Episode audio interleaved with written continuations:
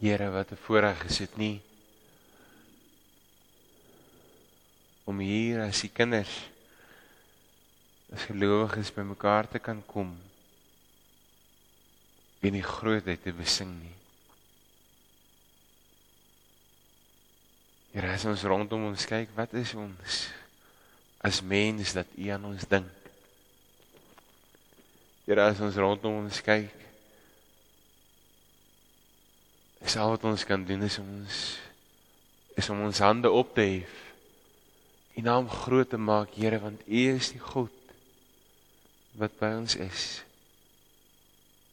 En daarom saam met hierdie lied wat ons luister, wil ons getuig, Here, alles alles wat ons het, Here, wil ons vir U gee. Here, dis sulke maklike woorde. Dis so maklik om te sê. Maar Here, gee vir ons ook die wete, Here, dat U ook, Here, in die grootheid en die genade, Here, vir ons kom toefou in die teenwoordigheid. Here, hier waar ons saam is, hier waar ons saam gaan lees, breek ook die woord vir ons oop. Ons kom vra dit, Here, in U naam. Amen. Broer en suster, ons gaan saam lees. Ons is besig uh om in Handelinge so 'n bietjie te delf. So ons gaan daar verder lees in Handelinge hoofstuk 2, net die volgende gedeelte uh waar ons gestrand opgehou het. Ons gaan lees vanaf vers 37 tot 47.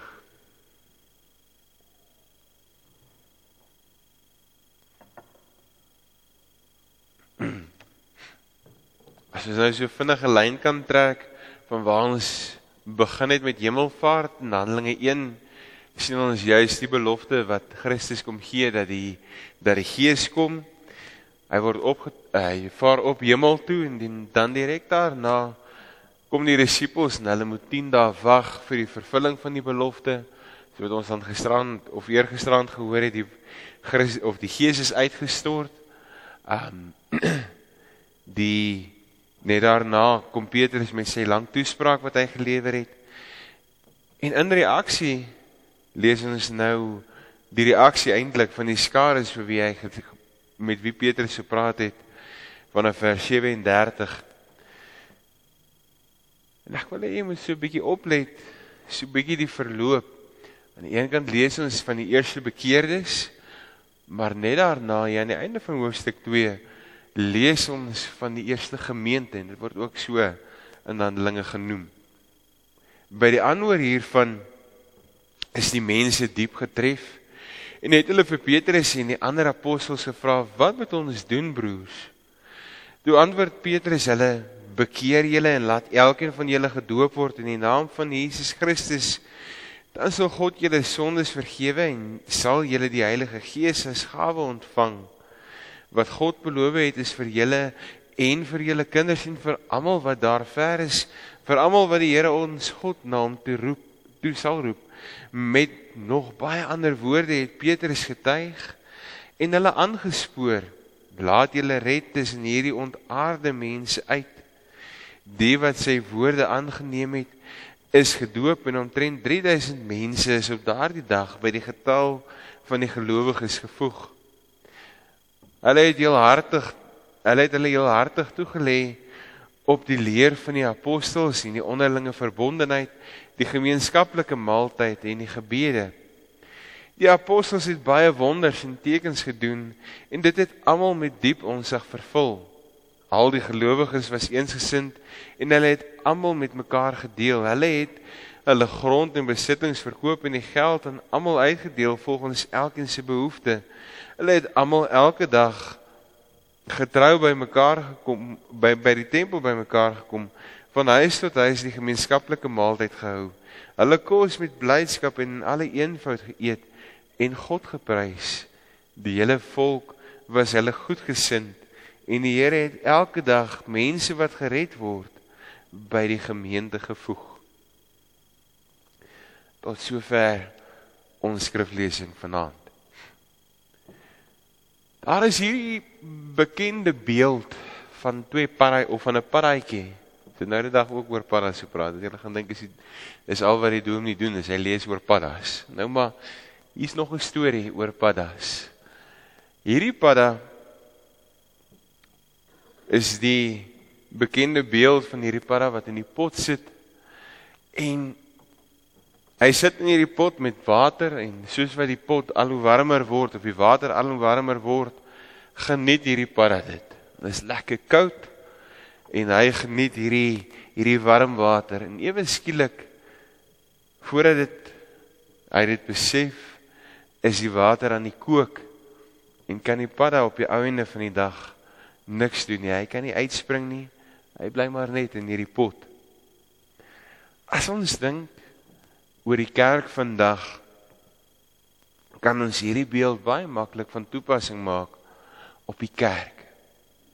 Ons as gelowiges oor hoe ons Sondag na Sondag na die woord luister en ons word op 'n manier gestreel. Ons sit soos hierdie paradjie agteroor en ons strek onsself gemaklik uit, maar ons doen niks nie. Die moeilikste vraag is egter vir my en vir jou as kinders van die Here, het die evangelie nog die krag om my en jou tot reaksie te roep? Het die evangelie nog die impak as ons na hierdie gedeelte kyk wat dit 2000 jaar terug gehad, 3000 mense kom eweskielik tot geloof. Die gevaar is dat ons die woord so deur die woord gestreel kan wees dat ons dalk te laat uitvind dat die evangelie my en jou oproep om dit te leef.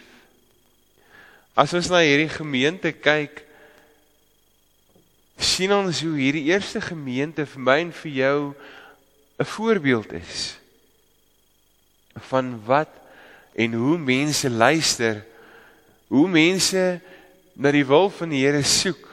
En ons hoor hierdie woorde waarmee hulle waarmee hierdie gedeelte begin waar hulle vir Petrus kom sê maar maar Petrus jy het nou alles vir ons gesê. Jy het nou vir ons gesê wat die Here is wie die Here is. Maar wat moet ons doen? So wat ons op gisterand vir mekaar gesê kom sê Petrus vir hulle julle moet julleself bekeer. Julle moet terugdraai na die Here toe maar julle moet dit ook bely. Julle moet ook 'n lewe leef wat getuig van God se goedheid, van God se genade. En so sien ons dat hierdie gemeente of hierdie gelowiges eintlik opgeroep word tot 'n nuwe lewe.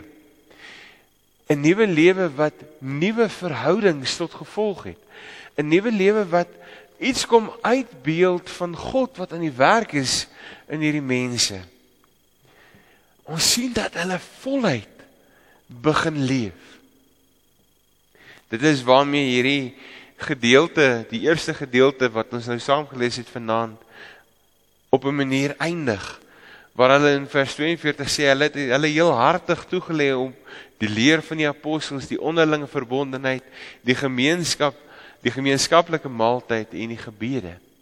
Hierdie heel hartig toegelê kan vertaal word met volhard. Dit kan vertaal word om voluit te gaan. Dit kan vertaal word om 'n ingesteldheid te hê om hulle voluit te gaan vir dit wat hulle leef, wat hulle glo, dit wat hulle hoor. En hulle het voluit gegaan as ons hierdie vier goed vat in die leer van die apostels. Hulle het onderrig ontvang. En in die onderrig wat hulle ontvang het, het hulle gegroei, het hulle meer van die Here te wete gekom en het hulle hulle lewens daarvolgens gerig. Die woord van God het hulle lewe geraak en alles rondom hulle is direk verander. Is blywend verander. In hierdie onderlinge verbondenheid wat hulle gehad het, sien ons hoe hierdie gelowiges prakties begin uitleef het wat dit beteken om vir mekaar om te gee. Hulle het werklik die liefde gebod wat die Here vir hulle gegee het, het hulle begin uitleef. Hulle het hulle, hulle het selfs van hulle besittings verkoop om ander te help. Dis wat ons lees in hierdie gedeelte. Nou maar as ons dit so bietjie kan vergelyk, as ons nou dink aan die kommunistiese stelsel en sê ons Jou goed is myne. Dis mos die kommunistiese stelsel. As Christelike stelsel sê ons vir mekaar, maar my goed is die Here se. En dit wat die Here daarmee maak is sy keuse. As die Here my goed wil gebruik om iemand anders te te seën, is dit reg. Dis die Here se eiendom. Dis wat rentmeesterskap beteken, maar dis vir 'n volgende geleentheid. Wat interessant is, is dat hierdie gelowiges verder gegaan het en in 'n gemeen die gemeenskaplike maaltyd met mekaar gedeel het. Dat hulle by mekaar gekom het, nou kan jy vir jouself indink 3000 gelowiges kom by mekaar elke aand vir twee redes. Die een was hulle het 'n verwagting gehad dat Christus weer sou kom en dat dit dat hierdie wederkom spoedig sou wees. Wat 'n belewenis. Elke aand saam by mekaar gekom, saam brood gebreek, saam nagmaal gehou. Maar die tweede rede was eintlik ook aangrypend waar hulle vir mekaar gesê het Maar ons as gelowiges is hier om mekaar te ondersteun. Ons is hier om vir mekaar uit te kyk en daarom eet ons saam. Want daar's mense rondom ons wat nie het nie. En so word die omgee van hierdie gelowiges al hoe verder en al hoe dieper uitgebrei. Maar dit stop nie hier nie die laaste gedeelte van hierdie versie dat hulle ook vol, voluit gegaan het in hulle gebede waar hulle vir mekaar gebid het waar hulle saamgekom het om die Here te prys om die Here in gebed aan te roep en in 'n werklike verhouding met die Here te staan. Ons lees dan net in die volgende gedeelte waar daar gepraat word oor hoe hierdie eerste gemeente verder groei waar hy sê maar hulle het alles eensgesind gedoen. Ja, as ons dink as kerk ons sukkel met hierdie met hierdie woord baie keer. Ons sukkel baie keer om vir mekaar te sê ons is eensgesind. Nee, maar dit moet 'n eensgesindheid wees. Maar broer en suster, die die kern van hierdie eensgesindheid lê daarin dat ek en jy een Here en een verlosser het. Dit is die kern van hierdie boodskap. Dit is waaroor dit gaan dat ek en jy vir mekaar sal sê dat ons verby die verskille vir mekaar sal leef, verby dit sal kyk en sal sien maar ons dien een Here, ons dien een God. Dis die oproep wat hierdie gelowiges in hierdie boek van Handelinge raak sien dat ons daar is om een Here te aanbid. En so sien ons dat hierdie gebeurtenisse al hoe meer vrug dra. Ons sien hoe dan daar elke dag dat hulle elke dag getrou by mekaar gekom het en weer meld Lukas dat of weer meld hy dat daar dat hulle die gemeenskaplike maaltyd gevier het. Weer meld hy dat daar in eenvoud alles gedoen is om die grootheid van God te vergestel. Hulle het niks gedoen om ander te beïndruk nie. Hulle was bewus van die verskeidenheid van mense in die gemeente. Maar die kern was dat hulle geleef het vir mekaar. Hulle het God geprys in dit wat hulle doen. En as ons dit vir mekaar sê, moet ons weer die konteks wat dit in afspeel en ag neem. As ons Handelinge vat, is dit geskryf in 'n tyd waar bin die Christelike geloof het net ontstaan. Maar die Jode van die tyd Jerusalem, daar waar dit begin afspeel het, het hierdie mense gesien as 'n sekte. As ouens wat die pad byster geraak het en omdat hulle die pad byster geraak het, moet hulle eenkant toe geskei word. Hulle is eintlik uitvaagsels van die samelewing en hulle moet op 'n manier reggestel word of op 'n manier moet hulle terugkom na die waarheid toe. So hierdie Jode het nie sagkens teenoor hulle opgetree nie. Maar die interessante is hoe die breër samelewing hierdie gelowiges aanvaar het.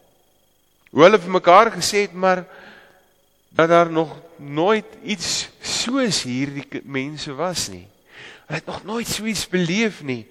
En dit bring my by die vraag vanaand ook en as ons na hierdie gedeelte kyk, as ons praat oor die relevantie van die kerk.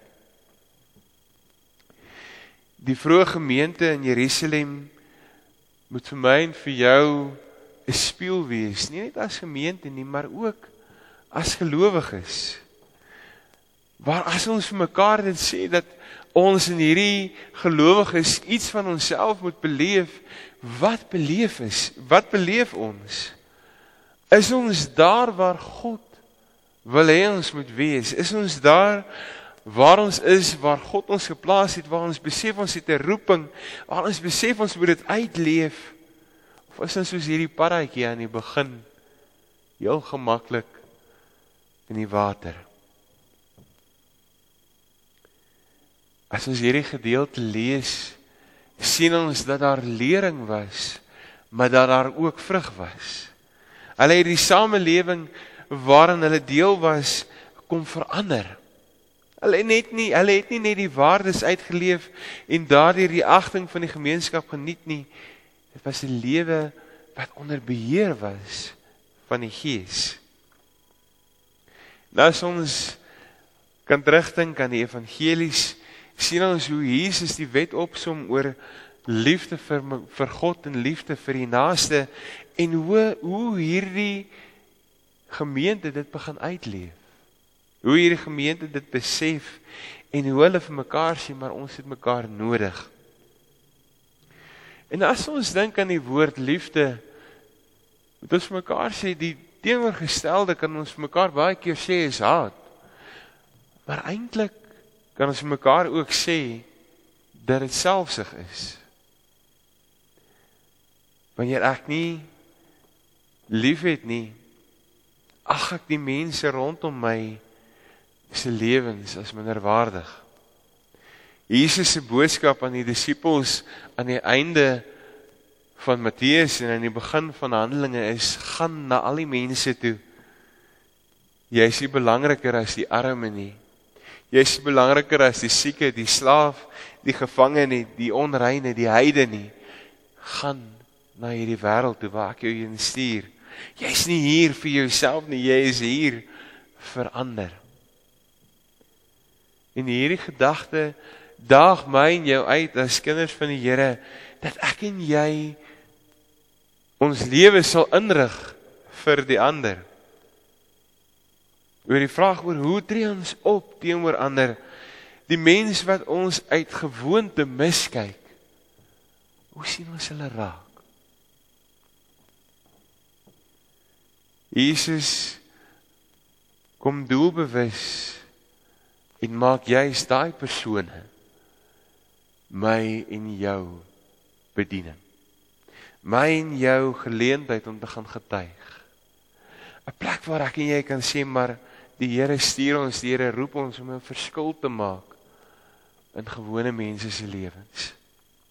Ek en jy so wat ek nou-nou gesê het kan agteroor sit soos hierdie paradjie of ons kan reageer. Wag ek en jy soos die lied waarmee ons begin het. Ek sê maar Here, alles gee ek U wat ek is en wat ek het. Alles gee ek U, gebruik my, stuur my in hierdie wêreld in. Amen. Kom ons sluit die oë. Dan bid ons saam. So wat ons sit, gaan ek jou geleentheid gee vir stil gebed en dan sluit ons dan daarna hardop af.